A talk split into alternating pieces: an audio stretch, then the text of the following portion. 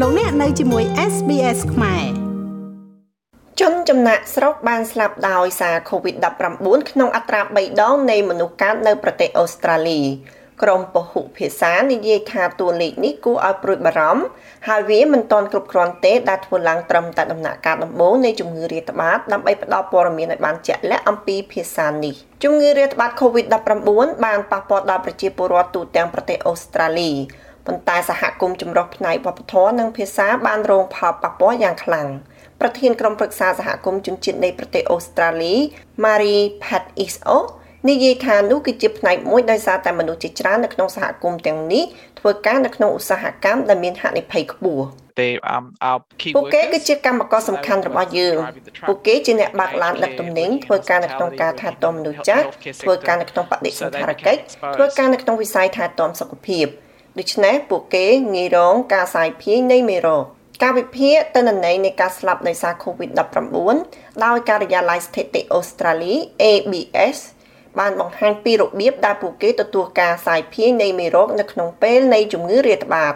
អ្នកដែលកើតនៅបរទេសទំនងជាស្លាប់ដោយសារតែមេរោគជិត3ដងជាងអ្នកដែលកើតនៅប្រទេសអូស្ត្រាលី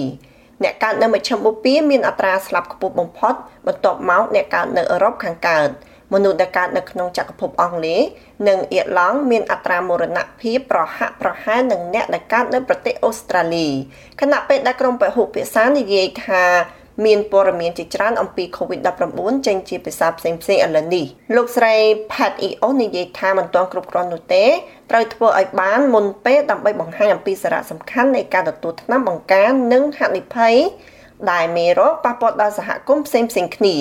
certainly we needed to have ប្រកាសណាស់យើងត្រូវមានយុទ្ធនាការជាក់លាក់ខាងភាសានិងវប្បធម៌ដែលចេញនៅខាងមុខមានការចាប់បានខ្លះ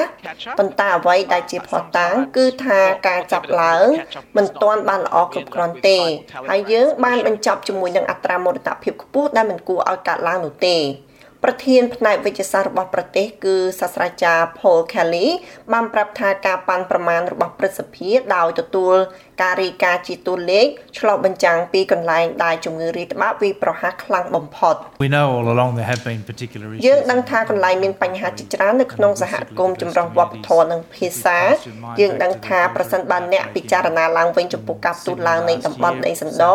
នៅទីក្រុងស៊ីដនីកាលពីឆ្នាំមុនភាគនិរដីនៃទីក្រុងស៊ីដនីគឺជាចំណុចកណ្ដាលនៃការផ្ទុះនោះប្រធានក្រុមការពារផ្ដល់ប្រឹក្សាអំពី COVID-19 ចម្រុះផ្នែកវប្បធម៌និងភាសារបស់រដ្ឋាភិបាលសហព័ន្ធលោកវិជ្ជបណ្ឌិតលូកាឌីតូកានិយាយថា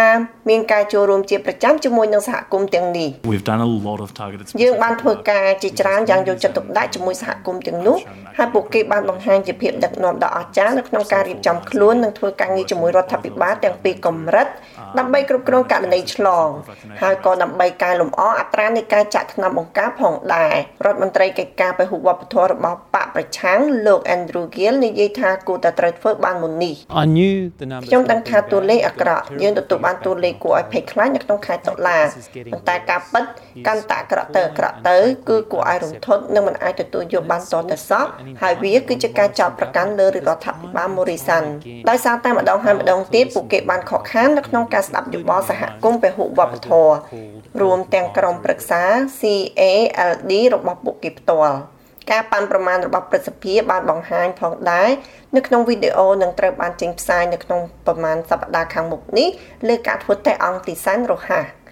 អត្ថបទនេះរៀបចំដោយ Gloria College សម្រាប់កម្មវិធីជាភាសារបស់ SBS និងប្រែសម្រួលដោយនាងខ្ញុំឡៅដានី